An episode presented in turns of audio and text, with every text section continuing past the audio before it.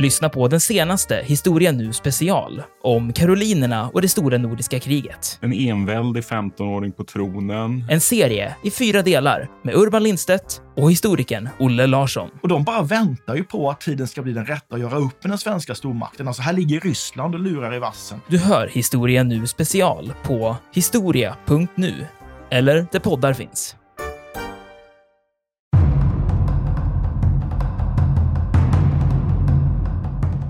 Kan du föreställa dig egentligen 400 träffar? Tänk att sitta på det där skeppet alltså. Och det är som en mindre stad. Jag tycker vi kan, det, det fanns ju folk som, jag menar, vad är det, cirka 2000 av de här personerna som är liksom rena militärer då, eller som arbetar med själva det, den militära funktionen och skeppet. Men det finns ju ett stort antal civila då som är så här kockar och, och de hade också en egen tidning ombord på Bismarck. Alltså korrespondenter, frisörer fanns ombord på detta. Så det måste ju vara som en mindre stad egentligen.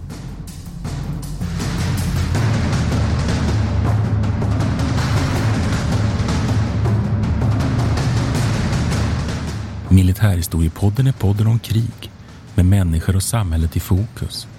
Programledare är Martin Hårdstedt, professor i historia vid Umeå universitet och Peter Bennesved, doktor i idéhistoria. Podden ges ut av förlaget Historiska Media. Stöd gärna MH-podden via vårt swishnummer 123 610 76 68. Märk betalningen med MH-podden.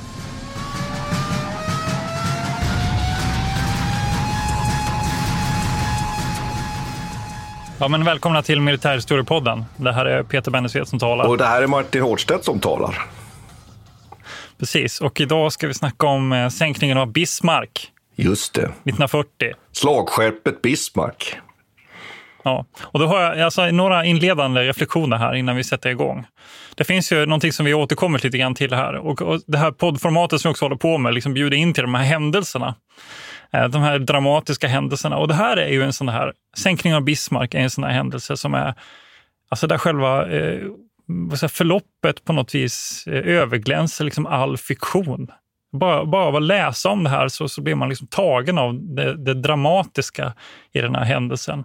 Och fundera lite på liksom, om, om det är så att vi minns den här händelsen allra mest bara just för att den är så väldigt, varför själva händelseförloppet i sig är så dramatiskt. Men här på, snackar vi om ett skepp då som Tysklands absolut största slagskepp vid den här tiden. Och som gör sin jungfrufärd egentligen, eller ja, inte riktigt jungfrufärd, men det är liksom första operation ute på öppet hav och då sänks inom åtta dagar. Och det, är så, och det är så många personer här som är involverade. Hitler är här och, och tittar på liksom, och besöker skeppet. Och, eh, och man lägger mycket vikt vid Lutschen som är amiralen som styr. Så. Jag vet inte, vad tycker du om det? Är det så att det här liksom, själva dramat egentligen ger den här eh, händelsen lite för mycket svängrum eller historisk liksom, relevans? Ja, det är klart jag håller med dig om att, att den här händelsen har ju mindre betydelse. Vi kommer ju komma till det sen. Den har ju betydelse. Men den har ju mindre betydelse i, alltså i proportion till vilken betydelse den har så är det precis som du säger att dramatiken gör att det blir ännu större.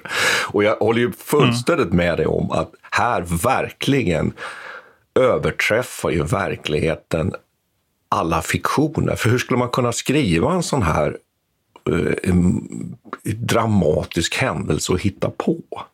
Det går ju inte, för här finns ju alla ingredienser i det här. Och det, Eh, det är ju väldigt spännande. Och, och, att, man, att man också redan från början på något sätt uppfattar ju, nu, nu kan ju det vara en efterkonstruktion att vi i efterhand när vi läser om det här så vet vi, det är ju alltid ett problem för oss historiker, vi tittar tillbaka, vi vet ju vad som kommer att hända. Men man uppfattar ju på något sätt att redan från början så kommer ju detta att gå åt helvete ärligt talat.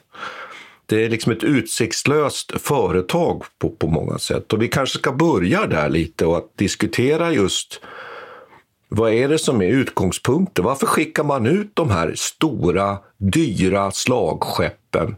Som du alldeles riktigt på, påpekar, att Bismarck och hennes systerfartyg Tirpitz, och då ska jag säga en, en sak direkt, att fartygschefen vägrade ju att kalla Tirpitz för hon, eller Bismarck för hon.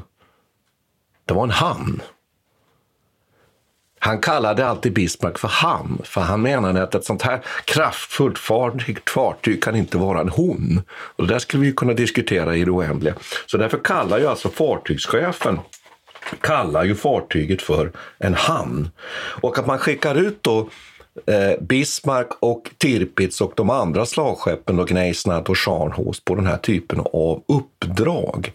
Och där vi vet att det är en tidpunkt också i, i den militära historien där ju de här fartygen är otroligt sårbara mot ubåtar, och luftangrepp. Varför gör man det? Vad är bakgrunden? Det tycker jag vi kan börja med Ja, och diskutera. precis. Och det här får man väl, och det är också intressant att historien bakom det här och de här strategiska besluten som man gör går egentligen hämta från första världskriget och erfarenheter från slaget vid Jylland. Eh, bland annat att man liksom, eh, inser att man måste skapa ett brohuvud ute i Norge och kunna, för att kunna dominera Atlanten egentligen. Och, men, eh, och, och då måste man ju ha skepp som på något vis matcha fienden. Men i huvudsakligen är det ju egentligen Frankrike man tittar på. För att man är ju under ganska lång tid rätt säker på att Storbritannien inte kommer att vara en del av nästa krig. Då. Så det man tittar på är ju den här Richelieu-klassen som fransmännen bygger upp, ett, ett, antal skepp här. Och man ska försöka eh, bygga upp modeller då som, som skulle kunna ta sig an dem. Så den huvudsakliga fienden är ju egentligen Frankrike då och att man skulle kunna avstyra Eh, import egentligen och kunna göra räder då mot Atlanterna och förhindra import till Frankrike med de här skeppen. Så att man egentligen inte, man ser ju alltså inte Storbritannien som den främsta fienden egentligen. Och det här har ju rätt så stor betydelse för hur, dels vilka designval man gör, hur stora kanonerna ska vara, liksom hur, stor, eh, hur tjock pansaren ska vara och framförallt räckvidden är ju väldigt intressant. Mm, det är det. För det är det någon, någonting som man har problem med och som också historieskrivningen har diskuterat en hel del, det är ju huruvida de här eh, uppskattningen av Bismarck och Tirpitz eh, räckvidd ute till havs, om huruvida den stämde med verkligheten. Mm. Mm. Nej, men, nej, ju, nej, men precis, ja, redan från början är vi inne på här att man inser att man kan inte tävla då med, med britternas flotta. Det inser man ju naturligtvis. Man kan inte genomföra, utföra ett sånt här utlandsslag igen från första världskriget. Där är man inte. Och man ser som du säger mycket riktigt att under 30-talet så, så påkallas ju byggnaden av de här fartygen som, de, som sätts igång, projekten, Bismarckklassen redan på 30-talet. Kölsträcks ju 1936. Då. Och man kan väl säga att, att det är ju det att man ska slå mot handels... Och där kommer vi in på den här tyska strategin vid den här tiden. Det är en strategisk fråga, att det är ju handel man slåss mot. Man har ganska stora framgångar med ubåtsvapnet i början av kriget vid den här tiden. Det är ju kampen om Atlanten. Och då tänker man sig använda de här slagskeppen för att kunna slå mot de här konvojerna. För konvojerna börjar, konvojsystemet börjar de allierade att införa och konvojerna är ofta skyddade av örlogsfartyg och till och med av slagskepp.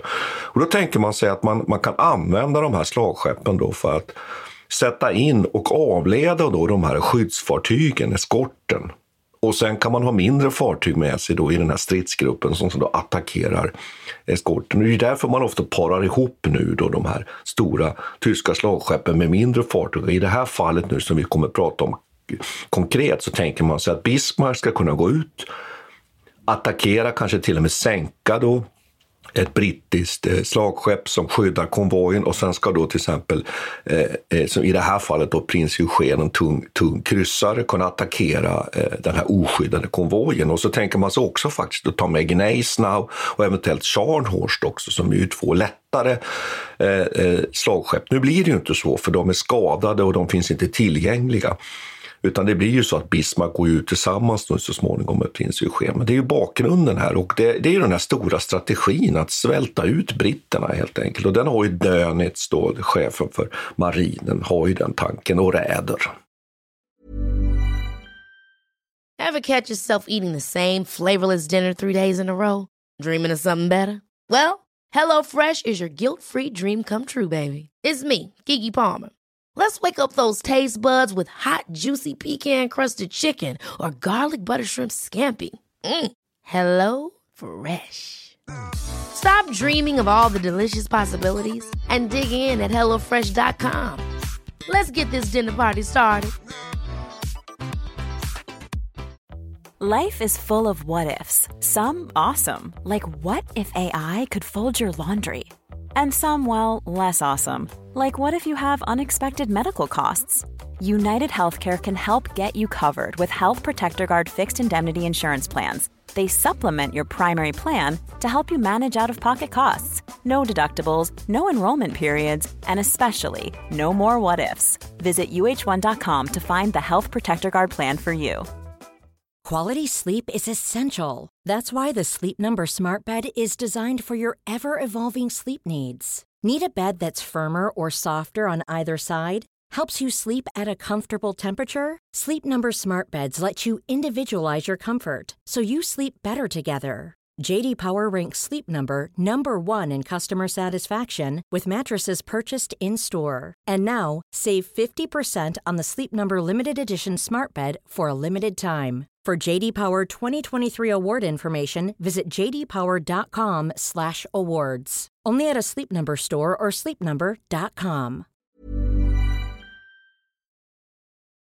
Man kan väl säga någonting om det här, eh, dels Versaillesfördraget också och även eh, eh, Washingtonfördraget som man signerade 1922. För de sätter också en hel del ramar för hur, hur Tyskland bygger upp sina skeppar. Och under Versaillesfördraget så har man då konstaterat att man inte får bygga skepp som är tyngre egentligen 10 000 ton. Och I alla fall inte de första 20 åren. här. Så, att, så det sätter ju en del en, gör ju en del problem. Då, så man har ju en del mindre skepp i Tyskland, men, men så vill man då försöka matcha eh, fransmännen och eh, även till viss del engelsmännen. De har lite större skepp, men det får man göra i viss del hemlighet då och egentligen inte avslöja det. Men sen så är det här, eh, och det som kanske är intressant här, det är ju att faktiskt Hitler försöker egentligen hålla sig till att ha den här gränsen med 35 procent tonnage egentligen gentemot den brittiska brittiska flottan. Och jag antar att han gör, jag vet inte, jag ska fråga det också, men jag antar att han gör det som ett, för ett sätt att vara inställsam mot Storbritannien och liksom försöka hålla dem utanför den framtida konflikt som han ändå ser framför sig. Sen är det ju rent, ja, sen, sen är det rent upp, helt uppenbart att han också bryter mot det här fördraget då med då Bismarck. Och, ja, absolut. att det, det, är alldeles, det är alldeles för stort ja. om man uttrycker så. Det, nej, det skrivs ju det där tysk-brittiska ja. flottavtalet 1935. Det är kanske det du anspelar på, där man på något sätt ja, clearar upp det här. Men sen inser man från tysk sida, och det säger ju de här ledarna, Räder bland annat, att, att våran flotta, den, den är så liten så vi kan inte ta upp striden med britterna. Vi kan, vi kan möjligtvis eh, ge ett exempel på hur man slåss så här och fullt och sjunker med flaggan i topp. Så uttrycker de det ju faktiskt. Utan här handlar det ju om att man använder de här ytfartygen för att slå mot konvojer. Och det här skulle vi kunna diskutera det oändliga egentligen. Hur, hur effektivt var det? Om man nu hade lagt alla de här resurserna som man lägger på de här slagskeppen och satsat dem istället på ubåtar. Då kanske man hade nått, nått längre egentligen. Men de här personerna som driver de här sakerna då, Räder, Dönitz. Eh, Hitler var ganska ointresserad faktiskt. Det är ganska spännande. Han, han, han menar ju, menar ju eh, forskarna att han hade, liksom förstod aldrig riktigt den här eh, sjödimensionen. Och det, det, visar, det visar ju också att han ofta är i diskussion med ledarna för marin och flotta, eh, eh, framförallt då Dönitz som också räder, att de har lite olika uppfattningar. Men räder tycks ha haft ganska stort inflytande ändå. Jo. Så han verkar ha varit ganska självständig i sina eh, strategiska beslut. Det fick han, men det fanns ju den här kampen hela tiden som vi har berört i tidigare podcast mellan att, att eh, ledarna för marin och flotta såg ju på, på Tysklands strategiska problem på ett helt annat sätt. De menar att man ska vinna kriget, det är ju framförallt genom att svälta ut Storbritannien. Jag vet att vi diskuterade det här i samband med att vi pratade om slaget om Storbritannien, där ju flyganfallet egentligen bara handlar om att bana vägen för en för ett, för ett flottanfall, för ett marinanfall, för landstigning på de brittiska öarna och framförallt för att svälta ut Storbritannien. Medan Hitler är mer, om man uttrycker sig så, landbaserad, landfixerad kanske till och med i sin, sitt sätt att se på Tysklands strategiska problem. Och där ju Barbarossa då står i, i, i, i blickfånget. Men man kan väl konstatera att, att Eh, luftlandsättningen på Kreta som vi ju pratade om Peter här eh, för, för några podcast tillbaks. Eh, där vinner ju faktiskt åsamkar tyskarna britterna stora fartygsförluster. Kanske då, kanske... Just det, och vad beror det på? Ja, det var ju flyganfallen. Att, att... Ja, exakt. Och det här är ju precis, det spelar ju också roll här, att man eh, agerar, Bismarck agerar utanför Tysklands liksom, luftrum, ja. eller möjlighet till att understödja. Så det är ju en intressant jämförelse. Då. Här är ju Tyskland som får ta mycket stryk och förlora en av sina viktigaste skepp egentligen. Men i, i Medelhavet så är det, är det ju britterna som, som eh, stryker med väldigt i stor utsträckning egentligen. På grund av då vad, vad, vad eh, luftstridskrafterna kan, kan åstadkomma. Ja, och när, när Bismarck börjar bli färdigbyggt och färdigutrustat, och det här är ju en lång process, egentligen tar det flera år att få ett sånt här komplicerat fartyg att fungera fullt ut. Och det här genomförs ju faktiskt av den här fartygschefen då Lindeman på nio månader ungefär. Man övar ju inne i Östersjön. Och då har man under första månaderna då 1941 så har man ju släppt iväg då Scharnhorst och Gneisenau som är de här mindre lättare eh, slagskeppen och haft ganska relativa framgångar med anfall mot konvojer. Men ändå inte sänkt så mycket tonnage som man kanske egentligen hade velat. Och då tänker man sig att nu följer vi upp detta med ett, med ett ännu tyngre fartyg Bismarck. Eller vi använder nu de här fartygen som vi har byggt. Som ju du var inne på så kommer de ju aldrig behövas för att matcha fransmännens slagskepp. Utan då använder vi dem i den här strategiska eh, idén, som en del i den här strategiska idén att slå mot hans Och sen har man ju haft de här framgångarna i Medelhavet mot britterna där ju britterna egentligen nog kanske har sina största fartygsförluster under hela andra världskriget, brukar ju en del lyfta fram och säga. Och så tänker man så här nu, och det här är ju samtidigt. För när man ger sig iväg på den här nu så småningom operationen då, Rheinübung som den kommer, kommer att kallas för, så får man ju veta att luftlandsättningen på Kreta har genomförts då och att britterna har förlorat. Då, då tänker man sig att nu, nu kan vi följa upp och åsamka britterna ännu större förluster och ta ett kliv ännu framåt nu så att säga i vår kamp mot britterna ute på Atlanten. Eh, så att de, de hör lite ihop på något sätt, de här eh, händelserna. Eh, eh, sen tycker jag att man kan peka på en annan sak också. Det är att britterna är ju faktiskt inte, de är ganska rädda för Bispar. kan man uttrycka sig så? Churchill skriver ju upprepade brev. Han är ju först marinminister och sen så småningom, som vi ju vet, premiärminister eh, upprepade brev till, till så att säga, ledning till en sjö, sjökrigsledningen om att ni måste se till, har ni koll på Bismarck? Vet ni var den finns? Finns det möjligheter att flygbomba den? Kan vi, kan vi kanske få ner eh, Bismarcks eh, klargörande så att säga, att man, eh, genom att bomba den? Kan vi stoppa upp? Så han är väl ganska orolig och inser väl naturligtvis den här eh, strategiska betydelsen av de här konvojsystemen och så vidare. Och, så det är lite spännande. Så där tycker jag nog att man kan säga att Bismarck ju ändå har en stor betydelse och kanske till och med strategisk betydelse. Eftersom vi ju inledningsvis nu här ifrågasatte det lite. Ja, i alla fall som symbolvärde eller som någon slags symbolisk... Ja, men mer som... Ja, mer, ja, mer, men ändå ja. mer än symbol. För man, man, man är lite rädd för de här Tänk om man släpper ut det här slagskeppet nu. Det är så pass starkt så det kan matcha vilket brittiskt slagskepp som helst. Och tänk om det nu börjar attackera de här konvojerna och få framgång med det. Då blir det problem. Ja, och framförallt kan man väl se det... Alltså jag tycker inte man ska överdriva just själva det enskilda skeppets eh, liksom, eh, funktion. Men det är också så här, planen här är ju en, en, en, hel, en hel grupp alltså. Ja. Som du sa, lite med Gneisenau, Stridsgrupp. Ja. Prins, prins Eugen och, och Bismarck, mm. eventuellt också Tirpitz. Men har du den här gruppen på fyra skepp i alla fall mm. ute i Atlanten. I det läget är, är man ju, har man ju oro, eh, anledning att vara oh. orolig. Alltså. Men det är klart att som, enskilt skepp så är de ju, och det insåg ju även admiral Lutjens och, och Lindeman också, att eh, Bismarck ensamt skulle ju inte kunna åstadkomma någonting på det viset. Nej. För att ett ensamt skepp kan ju alltid bli som nedkämpas av olika skäl. Jag tycker att man, man kan väl också ta eh, Tirpitz, vi kan flika in det, Tirpitz öde, den, den, den sänks ju också upp i Norge utanför Tromsö så småningom. Men den blir liksom, eh, jag vet inte hur, hur stor liksom, roll den spelade, men här, den sänks ju av ett antal ubåtar, miniubåtar som britterna sänder ut. Och så, och, och I kombination med flygbombningar. Sen. Ja, och så, som sen får den att kantra. Och, så den, och där är den, den står den ju i princip ensam. Och den visar ju att med ganska små medel så kunde man ändå sänka ett sånt här skepp med rätt förutsättningar. Så Bismarck i sig är ju inte så sådär... Eh, ja, det är ju givetvis ett stort skepp, va? men eh, eh det är ju mer en i kombination med Mm. andra. Men det är väl som, du, som vi har varit inne på, som du säger här, det är väl symbolen och också kanske rädslan för de här fartygen som är det viktigaste. För även om Tirpitz ju egentligen inte kan göra någonting, det är ju den enda som blir kvar till slut så att säga, med de andra utslagna, så är den ändå ett hot. Så att man jobbar ju för hela tiden för att sänka den.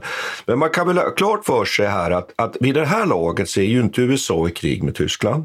Dit har vi inte kommit än. Och tyskarna har i, det här, i den här tidpunkten då man skulle kunna beteckna som ett övertagen då i, i, i, i kriget om Atlanten. Eller åtminstone stora framgångar. Britterna är allvarligt oroade. Och där, det är ju där den här operationen då, då släpps, släpps iväg. Och vi har ju nämnt Lindemann som är fartygschef på Bismarck. Och du har också eh, nämnt Leutzen som ju är kan man säga flottchef. Så att på det här är nu slagskeppet Bismarck då, som har en besättning på över två tusen man. Det är ganska fascinerande. Det är som ett litet samhälle. Så lägger man då till ett, en, ett 70-tal personer, så kallade flaggen, eh, och en sorts, vad ska vi kalla det för, flottledning. Det kan man ju skratta lite åt då, för det är ju egentligen bara två, far, två stycken fartyg här.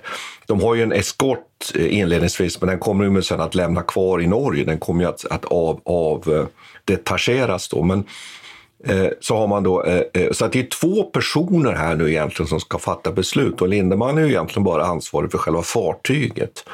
Här Lloydsen är ju, är ju ansvarig för, för själva operationen och han var, är ju den som leder den här framgångsrika, då, inom citationstecken, operationen tidigare under 1941 då, med, med Scharnhorst och Gneisenau. Så han har ju liksom en erfarenhet här. Då. Just det. Så, så där ser liksom... Och han gjorde också den här omcirklingen av Island i, ner mot Brest. Just det. Eh, ja, och det kan vi, Kan vi kan vi ta med oss så nu är, så, så nu är ju tanken att man ska då smyga ut och det här blir ju nu det väldigt viktigt för hela den här operationen. Och det som det liksom hela tiden handlar om här. Eh, tror, tyskarna, tror tyskarna att de är eh, oupptäckta? Vet de om att britterna har sett dem eller inte? För det får ju väldigt stor betydelse. För är de upptäckta, ja då minskar ju plötsligt det här överraskningsmomentet. Och om de nu är upptäckta, hur ska de då se på den här? För till slut så blir det ju så här lite som vi har varit inne på, att den här Bismarck på något sätt, den, det, det blir så lönlöst alltihopa så att det enda den kan göra det är att slåss, slåss så att säga, och, och, och, och, och sjunka hedersamt på något sätt. Men man tänker sig en utbrytning då, från den här hamnen då i, i, i som är i dagens Gdynia, men som, som ju på den här, eh, på den här tiden nu då heter Gottenhafen på, på, på Tyskland, genom då Stora Bält upp längs norska kusten och sen tänker man sig snäda ut på Atlanten och sen ta då vänstervarv, heter det så, runt Island och gå genom då Danmarksundet mellan Grönland och Island och komma ut på Atlanten och där då börja så att säga då att eh, plocka upp eh, allierade konvojer och sänka så mycket tonnage man bara kan. Så det är ju planen.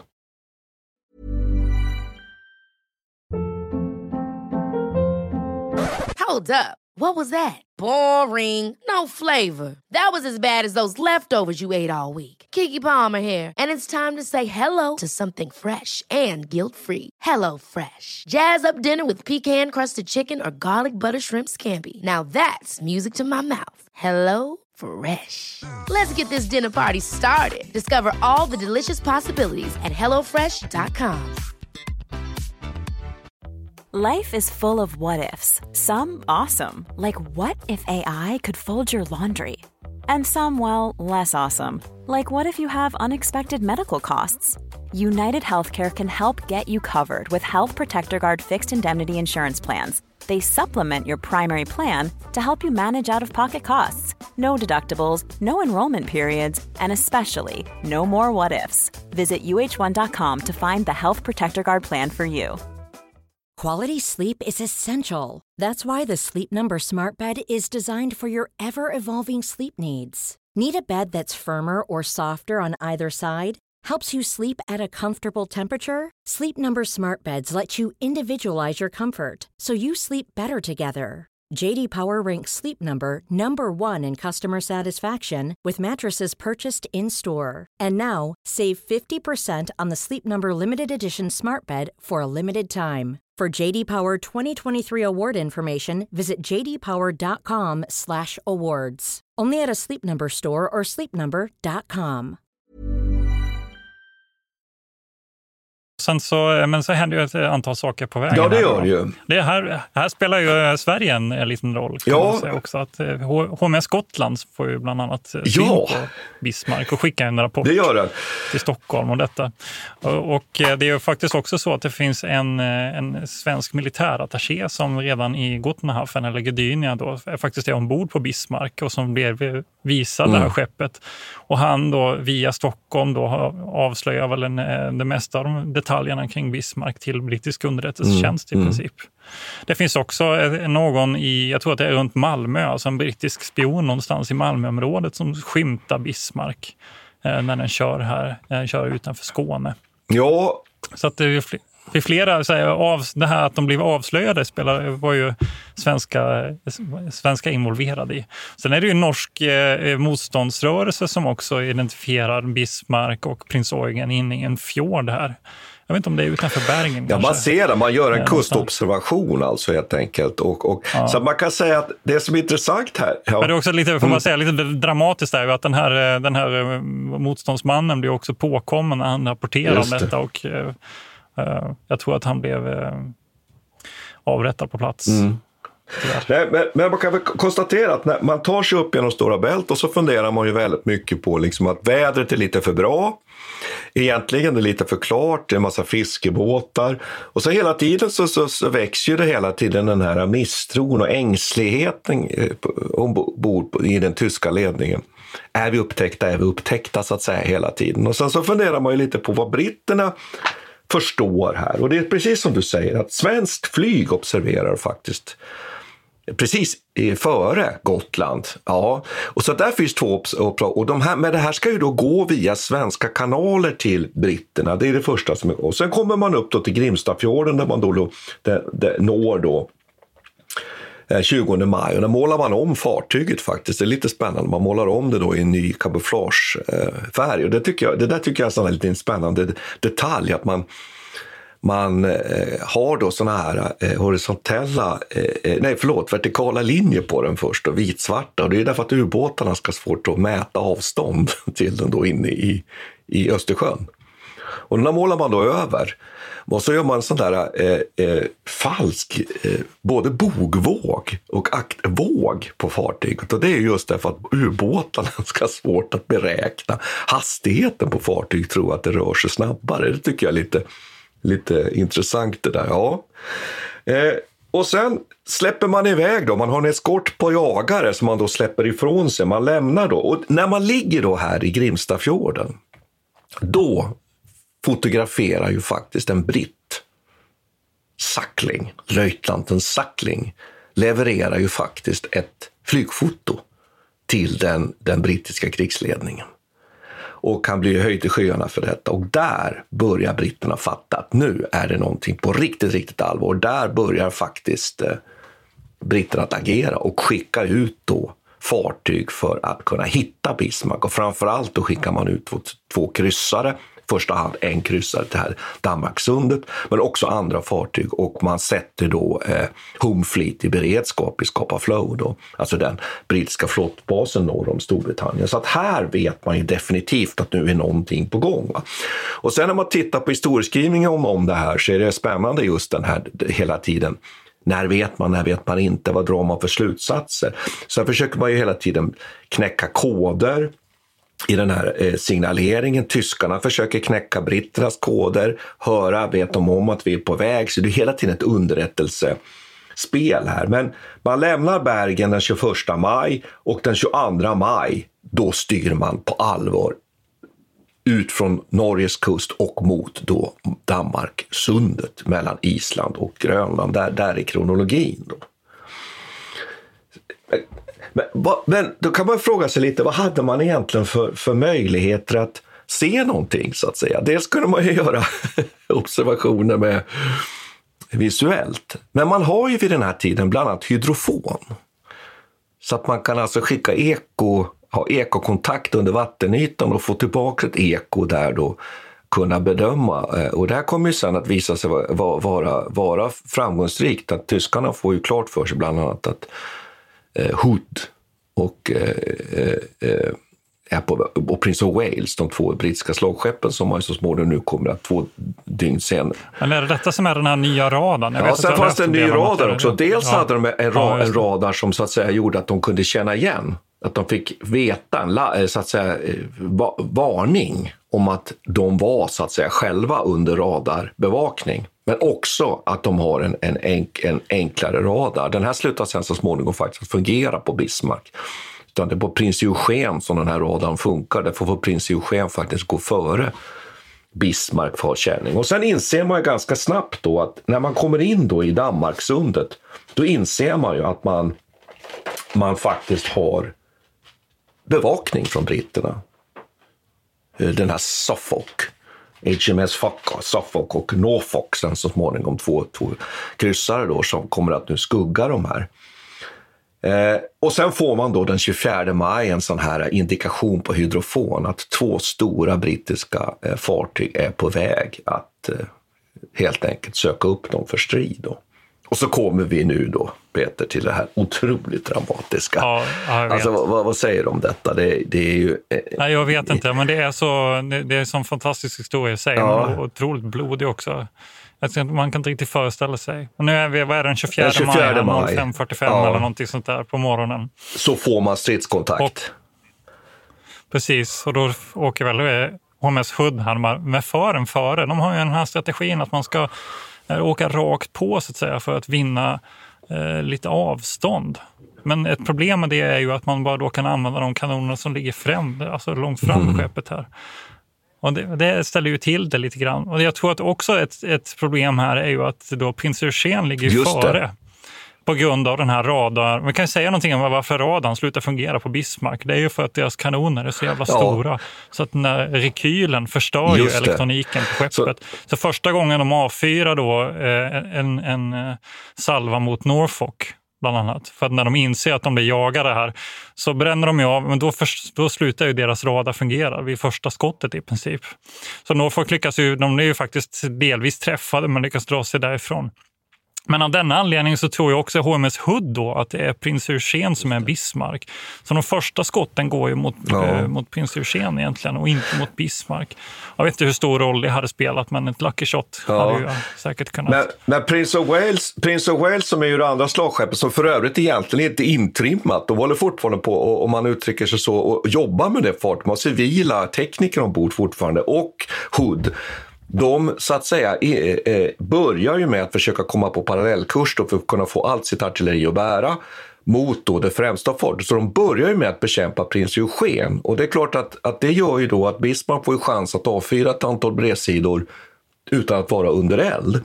Man kan väl nämna här att Bismarck Bismarck har ju åtta stycken då 38 cm kanoner här och eh, vid den här tiden så vet vi att man börjar ju växla upp eh, faktiskt och också hitta ju 40 cm kanoner. Men man har ju oerhört tungt artilleri. Eh, och sen kan vi också nämna... Alltså, jag bara säga 38 centimeter, det är ju typ som en stor pizza i diameter. Ja, det är det. Och sen en har man löjlig jämförelse. 12-15 centimeters kanoner, så det är ganska mycket att trycka iväg. Trycka, trycka iväg. Och sen så Bismarck börjar ganska snabbt då att hitta av eh, eh HMS Hood, som ju är britternas, kan man ju säga, då, stora stolthet, en stor slagkryssare. Eh, och vad är det som händer här nu?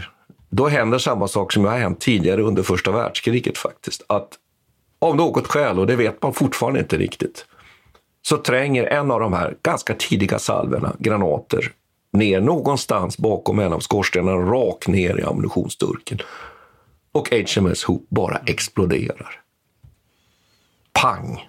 Ja, så, det är så, alltså på mindre än tre minuter sjunker Ja. skeppet. Det, är- alltså, he- alltså, jag vet att jag läste en skildring här nu, att skeppet är liksom...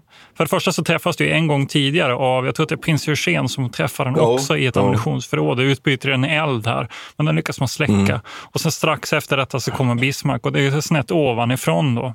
Så den här, eh, den skjuter ju tre, tre skott, två Mm. träffar inte, men den tredje tränger in ovanifrån. Och den här explosionen blir så, så pass stark att det helt enkelt klyver Jo, skeppet. den går i två delar direkt. Och det ser man faktiskt från, från eh, till och med, eh, som jag har förstått det, så ser man detta från de tyska fartygen. Alltså jag kan inte, det är så svårt att föreställa sig. Men alltså, den främre delen av, av HMS Hood fortsätter alltså framåt en liten bit innan då allt vatten börjar tränga in bakifrån och den tippar ner. Så på mindre än tre minuter så sjunker hela det här och det är alltså bara tre personer som överlever av cirka 1500 Ja, det är helt otroligt. Det, det, finns ju en, en, en, fantastisk bok om slagskeppet Bismarck som är skrivet av en som heter Buckart från Mullenheim, Reichberg. Han är faktiskt fjärde officer, artilleriofficer på, på Bismarck. Han överlever eh, hela den här dramatiken och han, han är alltså chef för det aktra artilleriet kan man säga. Alltså, eller, eller framför allt för att eh, mäta och, och, ge eldkommandon och sådana saker. Då. Eh, avståndsmäta och, må, må, och så vidare. Och han han beskriver ju just den där, liksom, hur han, ju, han har nämligen som order att hålla rätt på den här Suffolk och Norfolk. Det är hans uppgift. att, att ligga och titta på dem i sina, i sina eh, mätinstrument för att ha koll på dem. Om de till exempel avfyrar eh, torpeder, så det är hans uppgift. Men han kan inte avhålla sig från att följa på radion, kommunikationsradion, när HMS Hood träffas. Och det är oerhört dramatiskt hur han, hur han berättar det där. Plötsligt eh, eh, träff, att de, först anger de ju då att salvan är täckande som det heter då. Att de har täckande salva på eh, eh HMS Ost. Först får de ju gaffla som det heter. Gaffla in, skjuta en bred salva, titta vilken som träffar. Aha, det är nedslagen i mitten, då använder vi de värdena. Och så lägger vi alla skott precis där och så skjuter vi. Och så får de täckande. Och sen i nästa sekund, hon exploderar och sen är fartyget borta. Det är och sen kan man också säga att man lyckas i skada också dessutom den här Prince of Wales.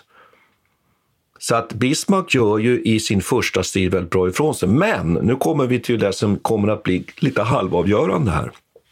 Det första egentligen halvavgörande, det är ju att eh, Bismarck tar ju några träffar och framför allt får man träffar i fören. Och utan att gå in på detaljerna i det här och även en träff faktiskt under vattenytan. Men summa summarum, så, så det som händer är att Bismarck börjar ta in ganska mycket vatten och det där blir ett problem för man kan inte helt enkelt eh, upphålla så hög hastighet. För en av så att säga, fördelarna, eller Bismarcks viktigaste vapen, var att det var ett väldigt, ett väldigt snabbt fartyg. Man kunde alltså köra i, i marschhastigheter på 28 knop, vilket är mycket, mycket för ett sånt här slagskepp. Och det där kommer att bli ett problem, för man kommer att vara tvungen att dra ner hastigheten. En, en intressant detalj om det där är också att eh, ett av de här designfelen som man gör, eller vad man ska kalla fel, det är ju bara ett fel nu för att det misslyckades. Ja. historien har visat det, men man har ju alltså ångmotorer omkring, eh, på mm. Bismarck och inte dieselmotorer. Och detta gjorde att man behövde lite mer bränsle. Mm. De var inte lika effektiva, men man ansåg väl att de var stabila på något vis. Och ett sätt att komma runt det, det var att man också fyllde upp vissa av de här utrymmarna längst fram i fören med, med bränsle till, till de här eh, ångmotorerna. Mm. Och här springer det nu läck för den här lilla träffen. Mm.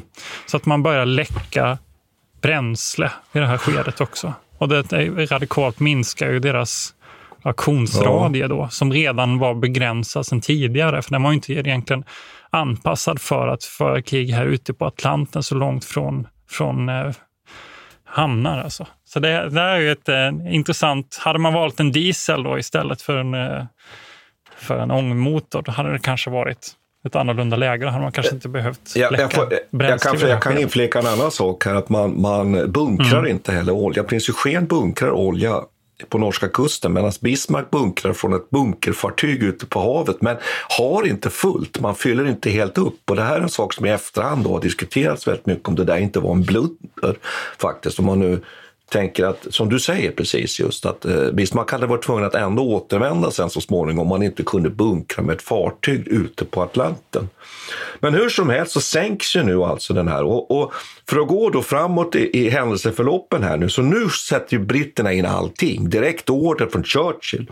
Och sammanlagt nu efter det här slaget i, i Danmarksundet då, så skickas nu då sex slagskepp och slagkryssare, två hangarflyg, 13 kryssare och 21 jagare har nu britterna så att säga på vattenytan för att försöka eh, eh ta Bismarck. Och Eh, prins Eugen, då bestämmer sig Leuthen för att avdela den. Att prins Eugen ska kunna du, ta sig ur det här, för han inser ju nu, någonstans måste han ju börja inse att du kommer Bismarck att så småningom att hamna i strid här. Och dessutom att hastigheten går ner. Så att man avdelar eh, prins Eugen och prins Eugen smiter ju faktiskt ur.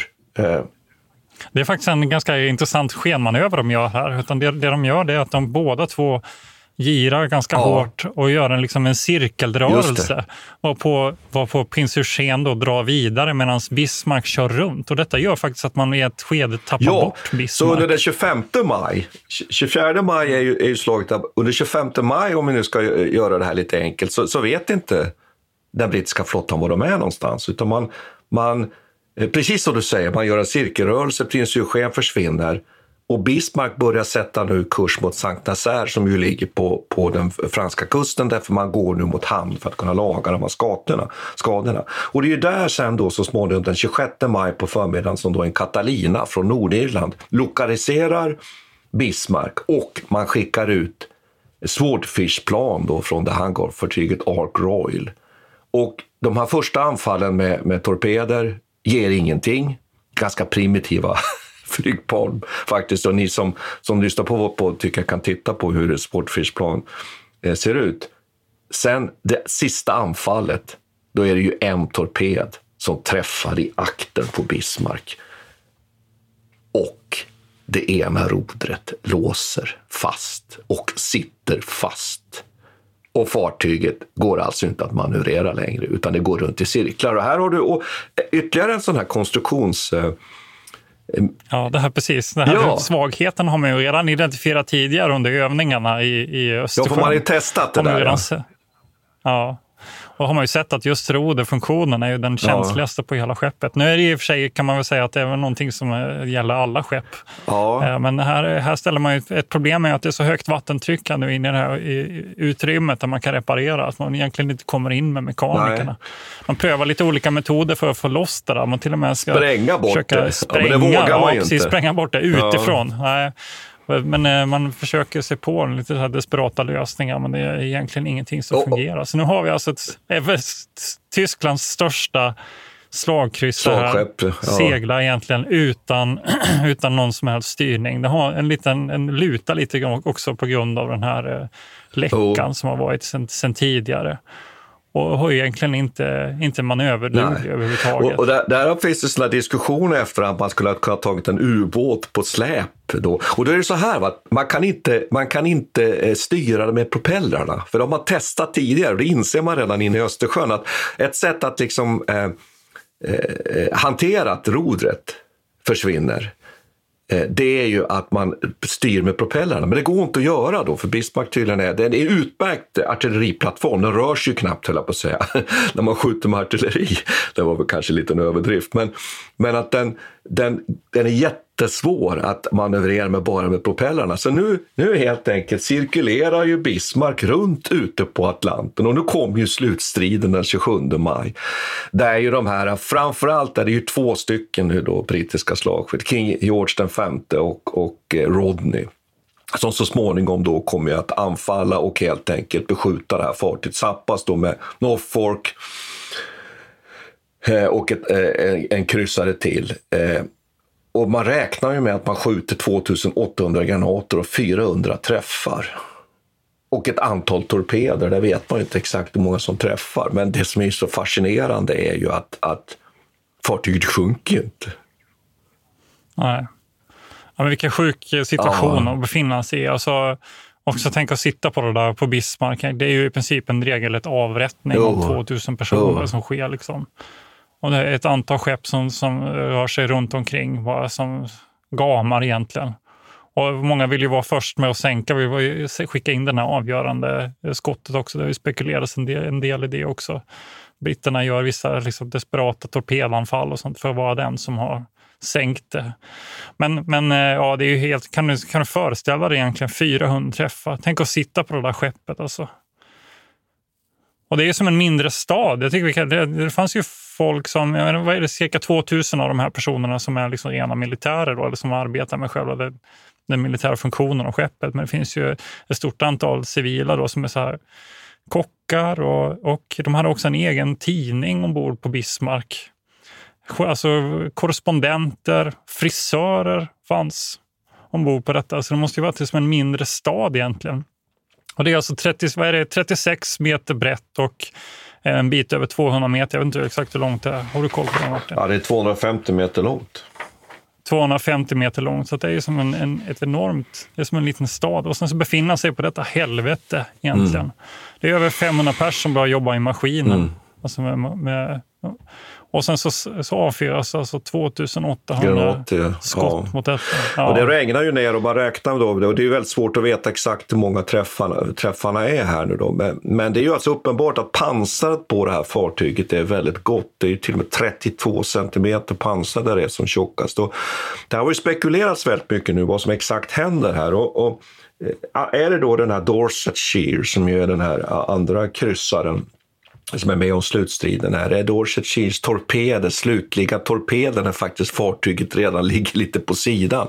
Är det det som sänker Bismarck? Eller är det överhuvudtaget så att att direktträffarna, ja det blåser ju bort naturligtvis överbyggnaden. Eh, men när det gäller just skrovet, och det finns ju till och med ögonvittnen som säger att åtminstone ena sidan av, av faktiskt fartyget är, är intakt när det vänder på sig och går till botten. Och man har också faktiskt hittat fartyget på botten och undersökt och där menar man att det, det är inte skador på skrovet som, som, som är så allvarliga att det är det som har sänkt fartyget. Nu är ju det här egentligen en akademisk diskussion för fartyget är på väg ja, jag vet, att... Det spelar inte så stor roll roll också, men det säger ju någonting ja. spännande. Och där finns ju den här teorin om att man ju faktiskt öppnar eller spränger helt enkelt en öppning själv i fartyget ner i skrovet. Att det är den sista åtgärden man gör då. Och det finns då ögonvittnen som säger detta och mycket tyder då på när man tittar på fartyg där det ligger på botten att det skulle ha varit på det sättet. Och det där är ju en sak som inte vi kan reda ut här, men det är en intressant sak. Och vad, vad, vad, vad har det egentligen för betydelse? Ja, om det stämmer. Ja, det, har ingen, det, har, det har ingen betydelse som sådant egentligen, men det säger ju någonting om vilken, eh, vilket skepp det var, alltså hur, hur pass kraftfullt det ändå var och hur mycket av, eh, hur mycket av vikten också som var vigd åt bara själva försvaret, det här tjocka pansret och det. Att det är klart att det är ju intressant i sig. Alltså man, efter, efter 400 träffar så är, känns det inte nog mycket. Så att, ja, nu bestämmer vi oss, nu, nu sänker vi det här själva helt enkelt. Ever catch yourself eating the same flavorless dinner three days in a row? Dreaming of something better? Well, HelloFresh is your guilt-free dream come true, baby. It's me, Gigi Palmer. Let's wake up those taste buds with hot, juicy pecan-crusted chicken or garlic butter shrimp scampi. Mm. Hello Fresh. Stop dreaming of all the delicious possibilities and dig in at HelloFresh.com. Let's get this dinner party started. Traffic jams, tailgating, pileups. Ugh, the joys of driving. How could it get worse? The federal government wants to have a say in what you drive. That's right. The Biden administration's EPA is pushing mandates that would ban two out of every three vehicles on the road today. Don't let Washington become your backseat driver. Protect the freedom of driving your way. Visit EnergyCitizens.org. Paid for by the American Petroleum Institute. Och sen slutar det med att man, går ju då, man hoppar ju då i, i vattnet och det är till slut bara 114 eller 115 som överlever. Och det finns ju just den här, i den här boken som jag rekommenderar att läsa eh, om ögonvittnesskillnaderna. Johan, den här Mühlenheimer Eichberg. Han, han beskriver ju hur de då sen plockas upp och hur de ligger och, och simmar i Atlantvattnet och den här oljan ju först kletar in dem i ögonen, i öronen, i munnen. Och han försöker två gånger, han får, får två gånger får han testa och försöka ta sig upp på en tamp som de har skickat ner då från en brittisk kryssare. Och han ramlar ju ner en första gången och sen andra försöket då så så kommer han upp och han, i hans vittnesmål där så beskriver han att han, han, han drömmer om att de skulle skicka ner ett nät som alla kunde bara, men istället skickar de ner tampar.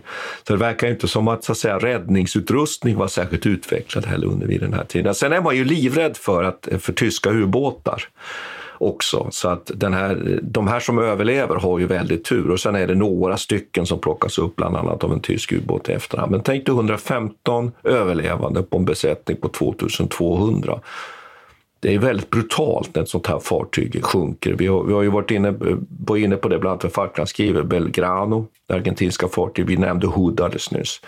Det blir ju väldiga konsekvenser när ett sånt här fartyg går till botten. Men om man ska summera så är det väl så att här slår ju britterna ut då ett hot mot sin konvojtrafik och det blir också en prestigeseger kan man säga, för kriget går ju inte så väldigt bra för britterna vid den här tiden, tidpunkten. Ja, det här är egentligen första gången som, som eh, Tyskland får smaka på en förlust. En, riktigt, en större, riktigt allvarlig förlust skulle ja. man kunna säga. Så det är ju verkligen en vändning i kriget på, på det, på det sättet, viset. Ja. En symbolisk, symbolisk vändning får man säga. Mm. För själva skeppet i sig var väl dömt att misslyckas kan man väl säga ute mm. på Atlanten på det här viset. Om den inte hade, jag vet de borde ju ha väntat ett halvår tills Gneisenau och Scharnhorst var, var klara. Hade de samlat den här gruppen så hade det varit ett helt annat mm. läge. Ja, och Tirpitz mm. också. Precis, då hade de kunnat samla gruppen på det viset så hade de mm. kanske haft en helt annan funktion. Och sen var det ju vissa designfel här som, som ligger i bakgrunden. Att man valde, Räder valde ändå att gå mot den här ångmotorn trots att en diesel hade varit mycket bättre. Det hade ökat dess räckvidd.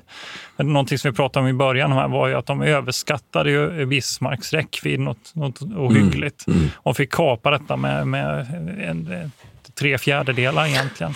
Och detta låg ju också till bakom det här beslutet att man var tvungen att röra sig mot Brest på en gång då, som Lutjens mm. tidigare hade gjort när han, eh, när han eh, på, eh, ledde Scharnhorst och Gneisenau. Att man var tvungen ja. att ta det här beslutet och ta den snabbaste mm. vägen mot Frankrike egentligen. Det berodde ju delvis på att man hade eh, brist på, på bränsle egentligen. Ja, men och de här, ja, men berättelsen om Bismarck är väl precis som du, säger, som du är inne på, det är egentligen så att man, man skapar på, på något sätt en funktion åt de här fartygen som egentligen var byggda och ämnade för någonting annat egentligen. Eh, och egentligen får man väl säga, min slutbedömning är att man, man ju nog i stort sett egentligen kastar bort de här fartygen. Det är, det är ganska meningslöst egentligen försök, det, det är ju min bedömning. Eh, ja. Och, ja, men det går inte att dra någon Nej, det är inte det. Och att det handlar egentligen. väldigt mycket om också att den här egentligen tyska stor, storstrategin haltar lite här. Och det har vi anledning att återkomma till, tycker jag, i våra diskussioner kring Barbarossa. Vi, vi inledde ju programmet med att diskutera det här. Var det så att säga kriget på Atlanten som borde ha stått i fokus egentligen, eller var det landkrigföringen?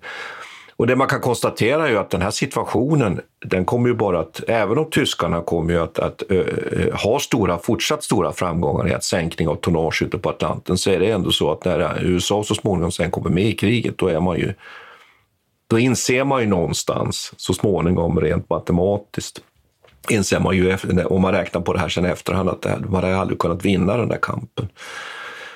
Eh, men det är en annan historia. Men, men historien om Bismarck är väldigt dramatisk, Peter. Det kan vi i alla fall dra som slutsats. Ja. Ja, för precis. Det, det, går inte att värja sig mot det. Jag tyckte först när jag började läsa mm. det, det var lite fånigt. Så, åh, det typiskt Martin ämne det här. Ska man okay. dramatiskt slag. Va? Men, men eh, det går liksom inte att värja sig. När man börjar läsa så, så, så oerhört dramatiskt. Och, och, man har ju lagt väldigt mycket vikt och fram och tillbaka vilka personer som är som mm. är avgörande beslut. Lutjens beslut att gå mot Brest, var det verkligen klokt? Skulle han ha vänt? Eh, varför väntade man inte med att skicka ut skeppen och så vidare? Men även hur de här brittiska befälhavarna agerade. HMS Hood, han, Lancelot Holland som, som var befälhavare där. Och han kom, ja, det har varit lite frågetecken också, hans agerande och så. Så det är klart att det finns ju det finns liksom en inbyggd dramaturgi i det här som gör att man inte eh, man blir väldigt fångad mm. av det. Men, men, men då har du återigen fått bekräftat att mina ämnen alltid är väldigt intressanta i slutändan. Ja, det är det. Men, men med de orden och min förträfflighet så skulle vi kanske kunna av, avrunda tror jag faktiskt. Ja, jag tror vi får göra Tack ska det. vi ha. Tack, Tack ska vi ha. Vi tackar Peter Bennesved och Martin Hårdstedt. Kontakta gärna Militärhistoriepodden via mejl på militarhistoriepodden historia.nu. Peter och Martin vill gärna få in synpunkter och förslag till programidéer.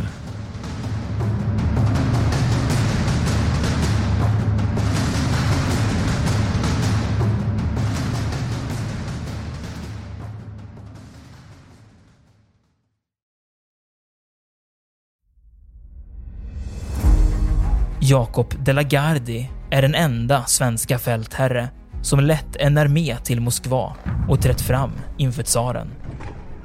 Bedriften gjorde honom till en av 1600-talets största befälhavare. Moskvas erövrare är den första biografin över Jakob de la Gardie, en av stormaktstidens portalfigurer. Historikern Peter Ullgren följer hans stormiga bana från den föräldralösa barndomen vid 1500-talets slut till maktens topp och den mullrande statsbegravningen i Stockholm 1652. Moskvas erövrare är utgiven av förlaget Historiska Media.